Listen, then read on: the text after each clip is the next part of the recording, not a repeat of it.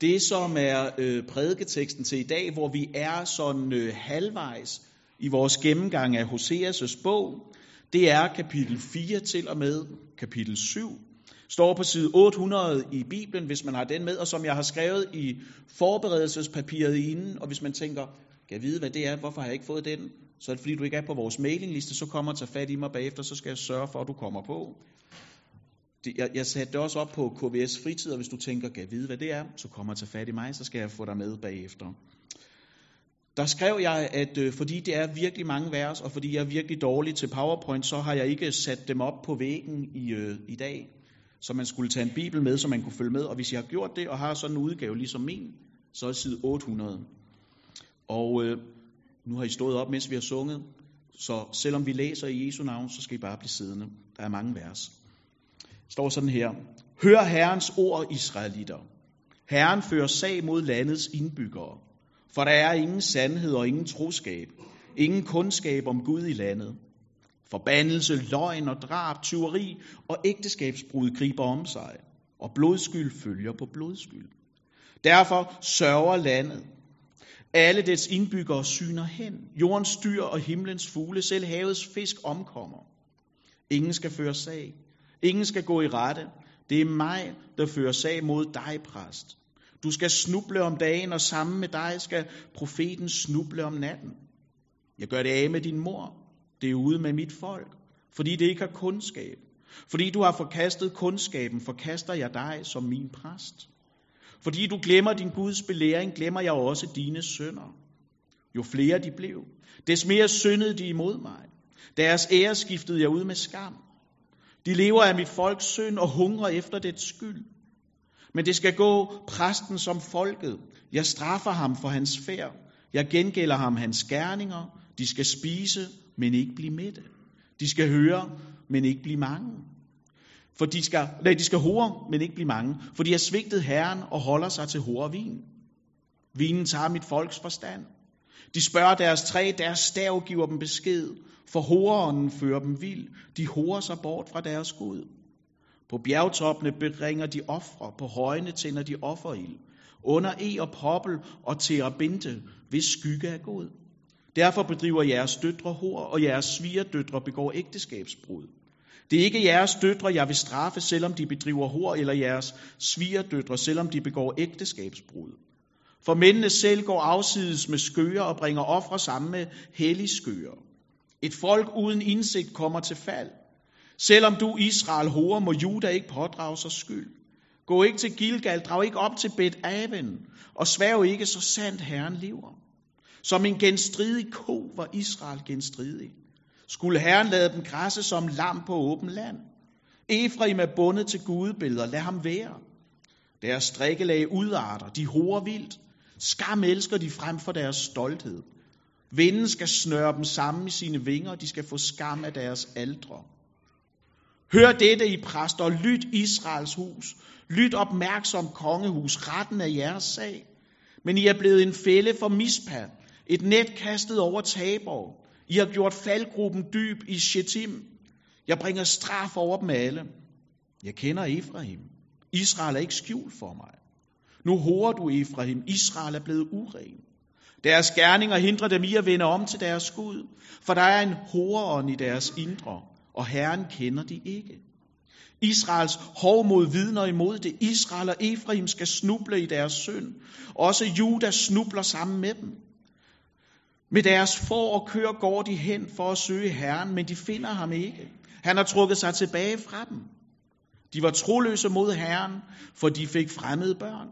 Nu skal nymånen fortære dem sammen med deres jord. Stød i hornet Gibea, stød i trompeten i Rama, opløft krigsråb Bet Aven, tag dig i agt, Benjamin, på straffens dag skal, e, skal, øh, skal Efraim ligges øde. Blandt Israels stammer kun gør jeg det, der står fast. Judas stormænd er blevet som dem, der flygter markskæld. Over dem vil jeg udøse min harme som vand, Efraim som undertryk, med retten er knust, for han besluttede at følge løgn. Men jeg er som kraft for Efraim, som æder for Judas hus. Da Efraim så sin sygdom og Judas sine sår, gik Efraim til Assyrien. og sendte bud til kong Jareb. Men han kan ikke helbrede jer. Han kan ikke hele jeres sorg. For jeg er som en løve for Efraim, som en ung løve for Judas hus. Det er mig, der sønder river. Jeg slæber byttet bort. Ingen kan redde det. Jeg vender tilbage til mit sted, indtil de gør bod og søger mit ansigt. I deres nød vil de opsøge mig. Lad os vende om til Herren. Han har sønderrevet, men han vil helbrede os. Han har slået, men han vil læge os. Han giver os liv efter to dage, rejser os på den tredje dag.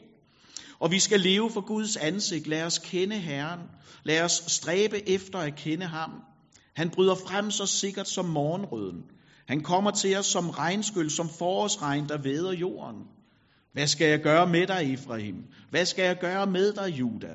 Jeres troskab er som morgentogen, som den tidlige, flygtige duk. Derfor hugger jeg dem ned ved profeterne, dræber dem med min munds ord. Min dom bryder frem som lyset. Troskab ønsker jeg ikke slagtoffre. Kundskab om Gud ikke brandoffre. Men de brød pakten i Adam. Der var de troløse mod mig. Gilead var forbrydernes by, fuld af blodige spor. Præsternes flok er som røvere på lur. De myrder langs vejen til Sikem. De handler skamløst. I Israels hus har jeg set grufulde ting. Der horer Efraim. Israel er blevet uren. Også for dig, Juda, er der fastsat en høst. Når jeg vender mit folks skæbne, når jeg helbreder Israel, afsløres Efraims skyld og Samarias ondskab, for de har handlet troløst. 20 bryder ind, røver og haver i gaderne. De tænker ikke på, at jeg husker al deres ondskab, men de er omringet af deres skærning, og jeg har dem for øje. Med deres ondskab glæder de kongen, de glæder stormænd med deres falskhed. De er alle horkarle, som er som en brændende ovn, som bæren ikke behøver at fyre i, fra han har æltet dejen til den er syrnet. På vores konges dag gør de store mænd syge med vinens glød. De rækker spotter og hånden. Deres hjerte brænder som en ovn. Der, hvor de ligger i baghold natten lang, sover deres vrede, og morgen blusser den op som flammende ild. Alle er hede som en ovn. De fortærer deres herskere. Alle deres konger falder. Ingen blandt dem kalder på mig. Efraim blander sig med folkene. Efraim er som et brød, der ikke er bagt på begge sider. Fremmed æder hans kraft, uden at han ved det, ved af det. Han er blevet gråhåret, uden at han ved af det. Israels hård mod vidner imod det. De vender ikke om til Herren deres Gud. I alt dette søger de ham ikke. Efraim er som en due, let at lokke, uden forstand. De kalder på Ægypten, de går til Assyrien. Så snart de gør det, kaster jeg mit net over dem. Jeg trækker dem til jorden som himlens fugle. Jeg fanger dem, når jeg hører deres flok. Ved dem, de er flygtet fra mig. Død over dem, de har brudt med mig. Jeg ville udfri dem, men de udspreder løgne om mig. De råber ikke til mig af hjertet, når de jamrer på deres leje. De snitter sig selv for korn og vin. De har gjort oprør imod mig. Det var dog mig, der gav jeres arme, jeres arme styrke, men de udtænker ondt imod mig. De vender ikke om til mig. De er blevet som slappe buer. Deres stormænd skal falde for sværet som straf for deres forbandelser. Sådan bliver de til spot i Ægypten. Det er Guds ord. Amen. Se, øh, nu ved jeg ikke, hvordan I som sidder her har det med fitness, om det er øh, noget, I går til. Ellers så er der jo et tilbud her søndag morgen nu, vil jeg sige. Men altså for nogen, der er det jo ikke nok bare at tumle rundt på en græsplæne. Der vil man gerne noget andet og mere. Så derfor så køber man sig adgang til et fitnessklub. For nu skal det være. Mange af jer ønsker jo ikke en krop ligesom min, sådan vel? Og derfor så skal der svedes, tænker man. Og så gør man det. I starten i hvert fald. For det er jo som om, at, at viljen er ikke lige så stærk, når vi når til februar og marts måned, som den synes at være i januar. Og derfor er der nok en del, sikkert ikke her, I jo gode folk, sådan ikke også? Men rundt om i Silkeborg, så er der jo sikkert en del mennesker, som i januar måned har købt sig adgang til et fitnesscenter. Og så bruger de det ikke resten af, måned, resten af året. Men, men man siger det jo ikke op. For det kunne jo være, at jeg fik lyst igen. Så man holder muligheden åben og tænker, når jeg lige kommer rundt om det her hjørne, når jeg lige får lidt mere tid, når børnene bliver lidt større, så skal jeg i gang igen. Fordi intentionen er stærk, handlingerne er svage. Og se, når vi starter her i dag, så er det jo fordi, det er et gennemgående tema for Hoseas. Folket, de vil kun et overfladisk forhold til Gud. De vil gerne have gaverne, men de vil ikke vide af giveren. Intentionen har været god, men udførelsen, eksekveringen, den haltede. Og derfor så er det jo, at Gud han sammenligner det med et halvbagt brød. Så det vi skal være sammen om nu her det næste stykke tid, det handler om, hvordan kan vi sætte, hvordan kan vi sætte ord, ønsker og handlinger sammen, så vi har en gennembagt tro. Så vores hjerter ikke er glatte, for hvis hjerterne er glatte, så glider evangeliet også jo af hende. Og fordi det ikke må ske, fordi Guds ord altid er aktuelt, så er det nu, vi vil dykke ned i kapitel 4 og 7, som er vores tekst til i dag. Men inden vi for alvor sådan graver os ned, så bare lige et ultrakort resume af, hvad det var, vi så på sidste uge. For jeg tror ikke, det er alle, der er her i dag, som var her sidste uge. Og altså det, vi skal have med, det er jo, at nu har vi holdt pause i en uge. Dem, der hørte Hoseas' bog læst op første gang, de har ikke haft en pause. De hørte, hvad Hoseas sagde. Og øh, altså, for dem har det været en sammenhængende historie. For os, der har vi holdt en uges pause. Hverdagens trummerum og opgaver, de har måske skygget lidt for sidste uges budskab, og derfor så er der en kort opsummering. Og altså, vi ved ikke meget om Hoseas som mand. Han skulle gennem tegnhandlinger vise folket noget om deres gudsforhold, da han blev øh, kaldet til at gifte sig med luderen Gomer. Og folket, de overså det. Hoseas virker i en opgangstid i Nordriget. Det var en tumultarisk tid. Der var mange magthavere, der døde på, øh, på øh, altså fra delingen af landet til at Nordriget gik under, så var der ni dynastier, ni forskellige kongedømmer. Vi så på, at det har store alvorlige konsekvenser at overtræde Guds bud. Vi så på, at synd det er overtrædelse af Guds hellighed. Vi mindede hinanden om, at Gud har al magt. Han er hellig og kærlig. Og så så vi om på, hvordan Hoseas' ægteskab med Gomer skulle minde folket om, at de havde flyttet sig fra Gud. De var på vej væk i hver sin retning. Vi så på, hvordan Gud ville lade dem dø af tørst som straf, og på at Jesus sagde, at enhver, som kommer til mig, skal aldrig tørste. Der blev også sagt meget andet. Det må I høre på vores podcast, fordi nu skal vi vende os mod teksten. Og det vi skal zoome ind på først, det handler om overfladisk gudstyrkelse. For det er jo, hvad Hoseas nu siger til folket. At deres gudstyrkelse er forkert, og det bringer dom med sig. At deres omvendelse, den er overfladisk, og den er uden dybde, og den er uden substans, for de søger ikke Gud. De har brudt med ham, og de vender ikke om. Og resultatet er jo, at deres hjerter blev glatte. Når, når jeg taler om glatte hjerter i dag, så er det jo ikke, fordi jeg har været kreativ sproglig. Det er bare, fordi jeg citerer om fra Hoseas' bog. Hvor Gud siger, at folkets hjerter blev glatte. Evangeliet praller af. Evangeliet glider dem af hænde, fordi de hverken hørte, troede eller tog imod. Og det er jo for mig en stærk advarsel om, at vi ikke må leve i gårdsdagens nåde. Vi må ikke glemme vores behov for daglig omvendelse og vores behov for, at nåden er ny hver morgen. For Gud er jo aldrig tavs, han har noget at sige os. Men de lyttede ikke, og det fjernede dem fra Gud. De holdt op med at kende ham, de holdt op med at stole på ham.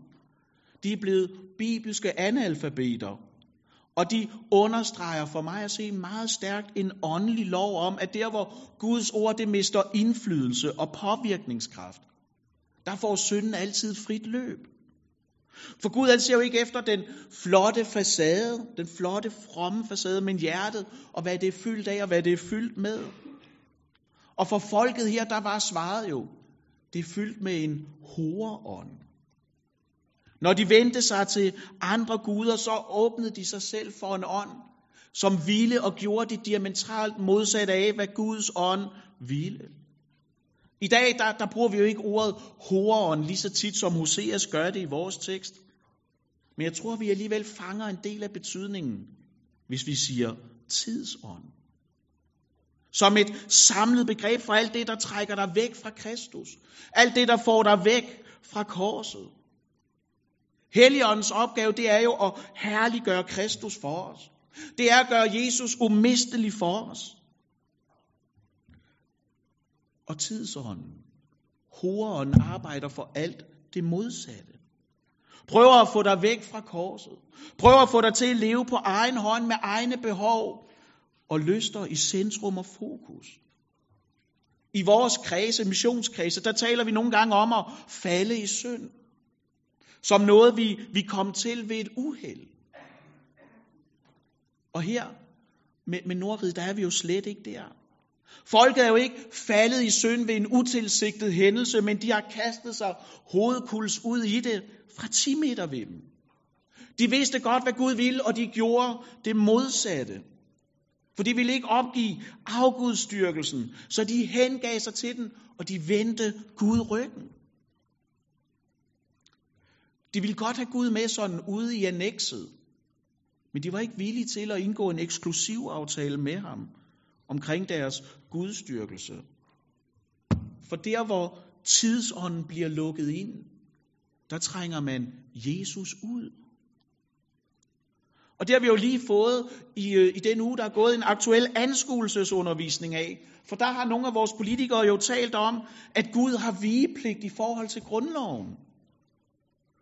For, for det er jo, hvad der sker, når tidsånden møder Guds ord.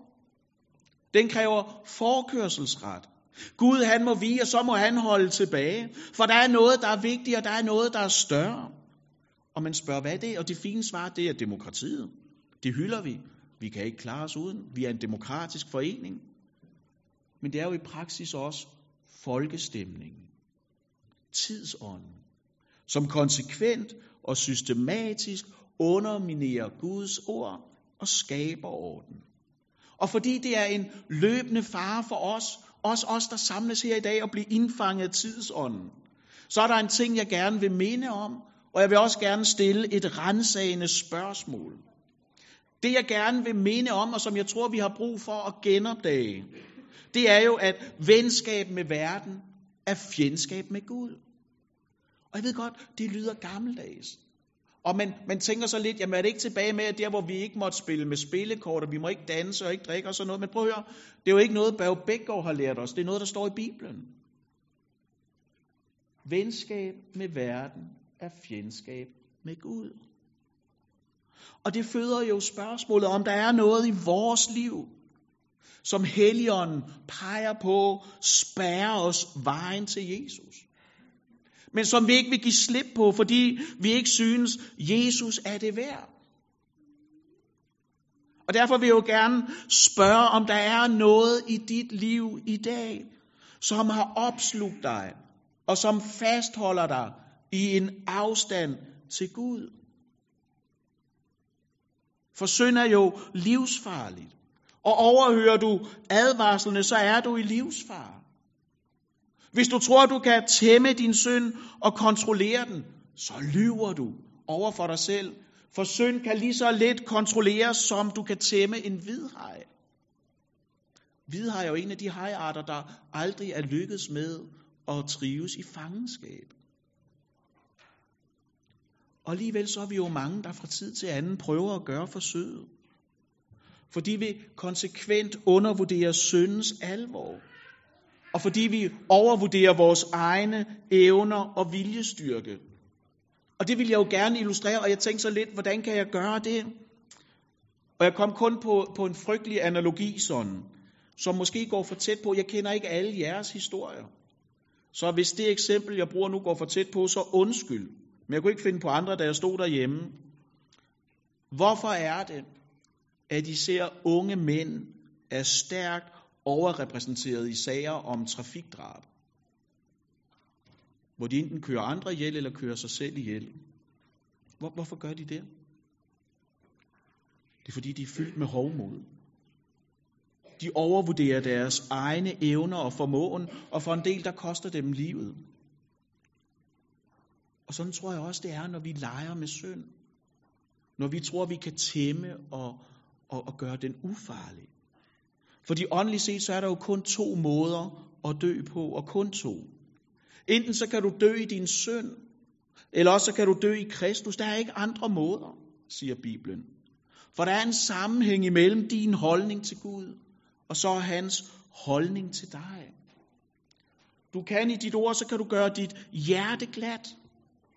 Du kan lukke Gud ud af dit liv, og du kan gøre dig immun over for hans ord. Og konsekvensen af det, det bliver jo, at du aldrig får en syndserkendelse. Og har du ikke den her syndserkendelse, så vil du jo altid tro, at synd er konsekvensløst. Og det vil gøre, at vores hovmod fører os til fald.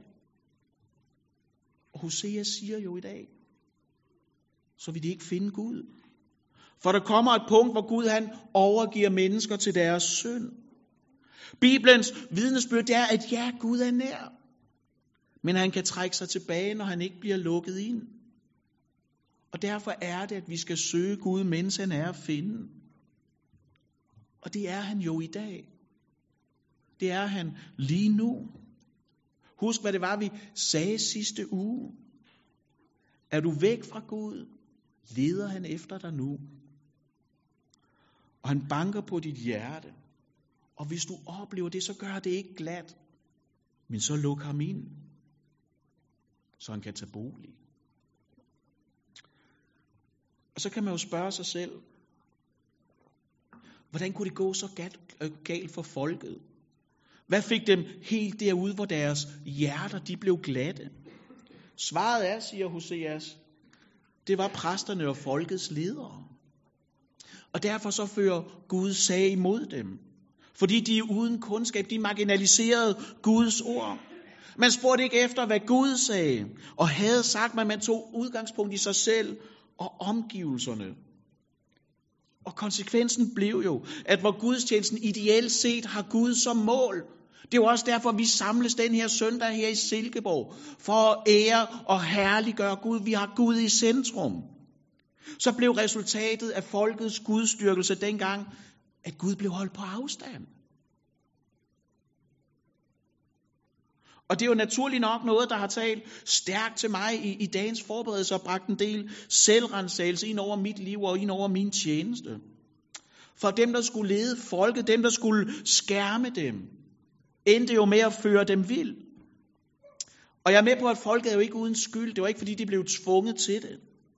Men der er forskellige trin på, trin på ansvarsstigen, ikke også? Og her har lederne og præsterne det største ansvar for, at kundskaben om Gud er ved lige.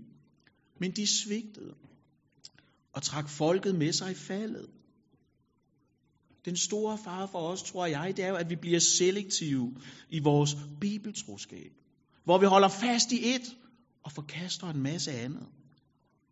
Og det vi forkaster, det er jo typisk det, vi finder urimeligt eller ukærligt. Det, som vi ikke længere kan bruges til noget. Også i kirken. Det er jo en reel far. Ikke i vores, håber jeg. Men, men, men historien er jo, er, jo, er, jo, er jo rig på eksempler på folk, som startede godt, og som ikke fuldførte målet. Der er mange kirker og menigheder, hvor det her, det er jo ikke russisk. Mange steder, der oplever jo, at kirken det er bare blevet reduceret til et eko af tiden. Og jeg vil jo gerne sige, at værslige ledere, det skaber værslige mennesker og menigheder. Derfor tror jeg, det er, at Bibelen advarer os så stærkt, formaner os til at bede for vores ledere, for hvis de falder, så trækker de mange med sig. For man kan jo godt være præst, viser den her tekst i dag, uden at være Herrens præst. Du kan godt have et job som præst og være forkastet af Gud. Det er jo, hvad der, hvad der sker, når vi glemmer Guds belæring, når vi glemmer at sige tak. Falske lærer, de har altid været der, de har altid martret kirken. Truslen er jo altid farligst, når den kommer indenfra, og vi ikke har registreret den. Det, der var sket for Israels folk, det var, at over tid, så havde de jo overtaget en trospraksis og en tro, som fortyndede deres egen hellighed. Og det skete så langsomt, at de ikke registrerede det. Der kan ske tab, uden at vi opdager det. Det var det Samson han oplevede i dommerbogen. At pludselig så var hans styrke forsvundet, han opdagede det ikke. Eller hvis vi tager i Nyt Testamente, menigheden i, i Laodikea, en af de syv menighedsbreve, der er i åbenbaringsbogen. Og du ved ikke, at hvis nogen er elendig, ynkelig, fattig og blind og nøgen, er det dig.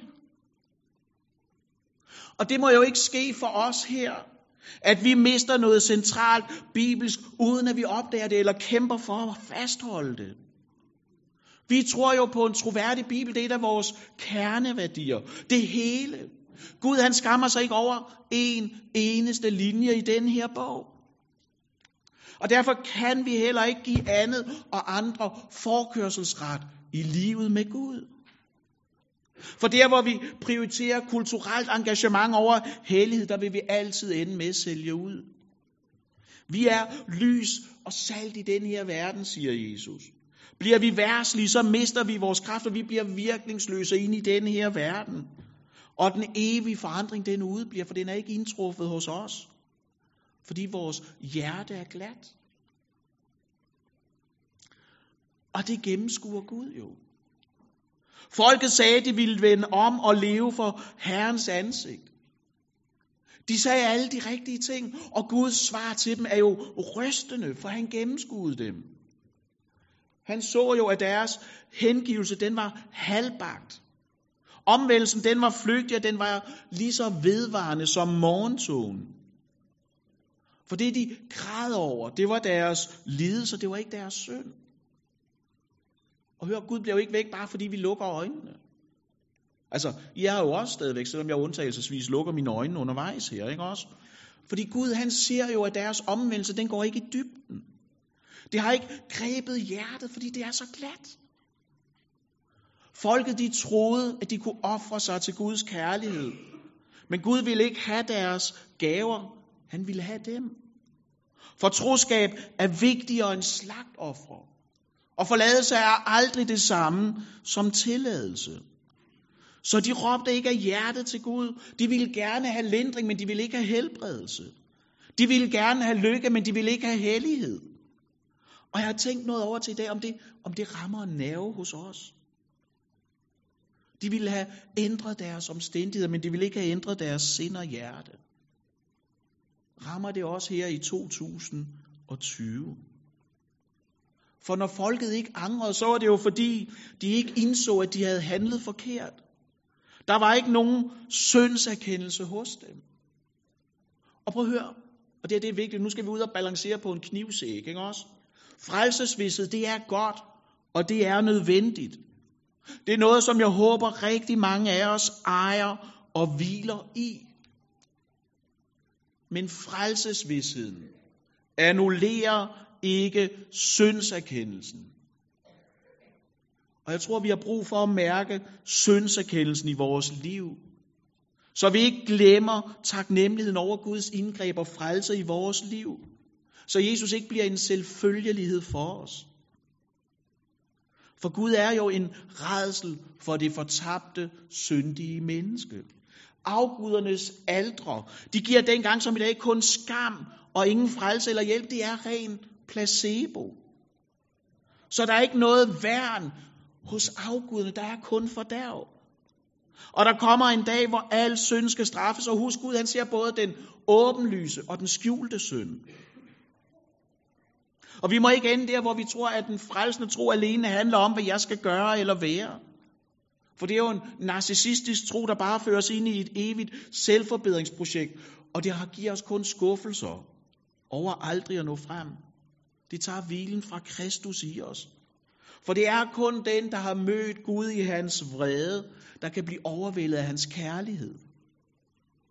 Og derfor er det altafgørende, at vores kundskab og kendskab til Herren er levende og stærkt, fordi vi ved, at skilt fra Jesus kan vi ingenting. For der er en sammenhæng imellem at kende Herren og stræbe efter det. Mange de vil gerne lære Gud at kende, men de vil ikke gøre noget for det. Men det tror jeg, vi skal. Læse Bibelen, prædike ud fra den.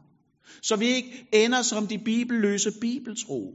For der er nemlig en tæt organisk sammenhæng imellem at kende Gud og så elske ham. For det, som loven og formaningen ikke kan i vores liv, det kan Guds kærlighed. Lovens skygge, det er synden. Lovens krav er kun et, du skal elske Herren, din Gud. Men vi kan ikke elske på kommando. Men når vi ser kærligheden hos en anden, så kan det jo kalde noget frem. Hos Moses, der var der jo mange forskrifter for, hvad for ofre Israel skulle bringe. Men Gud ønsker jo ikke ofre som erstatning fra kærligheden. Gud vil have, Gud spørger, om vi elsker ham. Hvad var det, Jesus sagde til Peter, da han mødte ham efter skær torsdag nat? Elsker du mig? Elsker du mig, Peter? Og spørgsmålet det bliver så, hvordan elsker vi Gud? Og det bibelske svar er, vi elsker, fordi han elskede os først. Det er noget, som vi må finde ind i, og det er noget, vi må finde hen til. Nemlig Guds egen kærlighed og noget. Den må overvælde dig, så den kan kalde kærligheden frem. Og du kan se på dit eget liv. Og man kan komme i tvivl, elsker også Gud mig? Med de svigt, fald og lunkenhed, jeg har i mit liv. Tænk på den lille Bibel. Uanset hvor god man er til at lære bibelvers, så tror jeg, de fleste af os kan det. Til således elskede Gud verden. Og her er du med. Gud vil ikke din fortabelse. Og forsikringen om det, det er Jesu kors. Og derfor er det, at vi forkynder Kristus som korsfæstet. For den lægedom og helbredelse, vi har brug for, den giver Jesus. Malakias, han, han skriver det simpelthen så smukt. Retfærdighedens sol skal stråle frem, og under dens vinger er der helbredelse. For hvad er det, der sker, når vi får syndserkendelsen? Den åbner op for synds tilgivelsen. Helbredelse, det kræver afsløring af synd, skyld, ondskab og troskab, troløshed.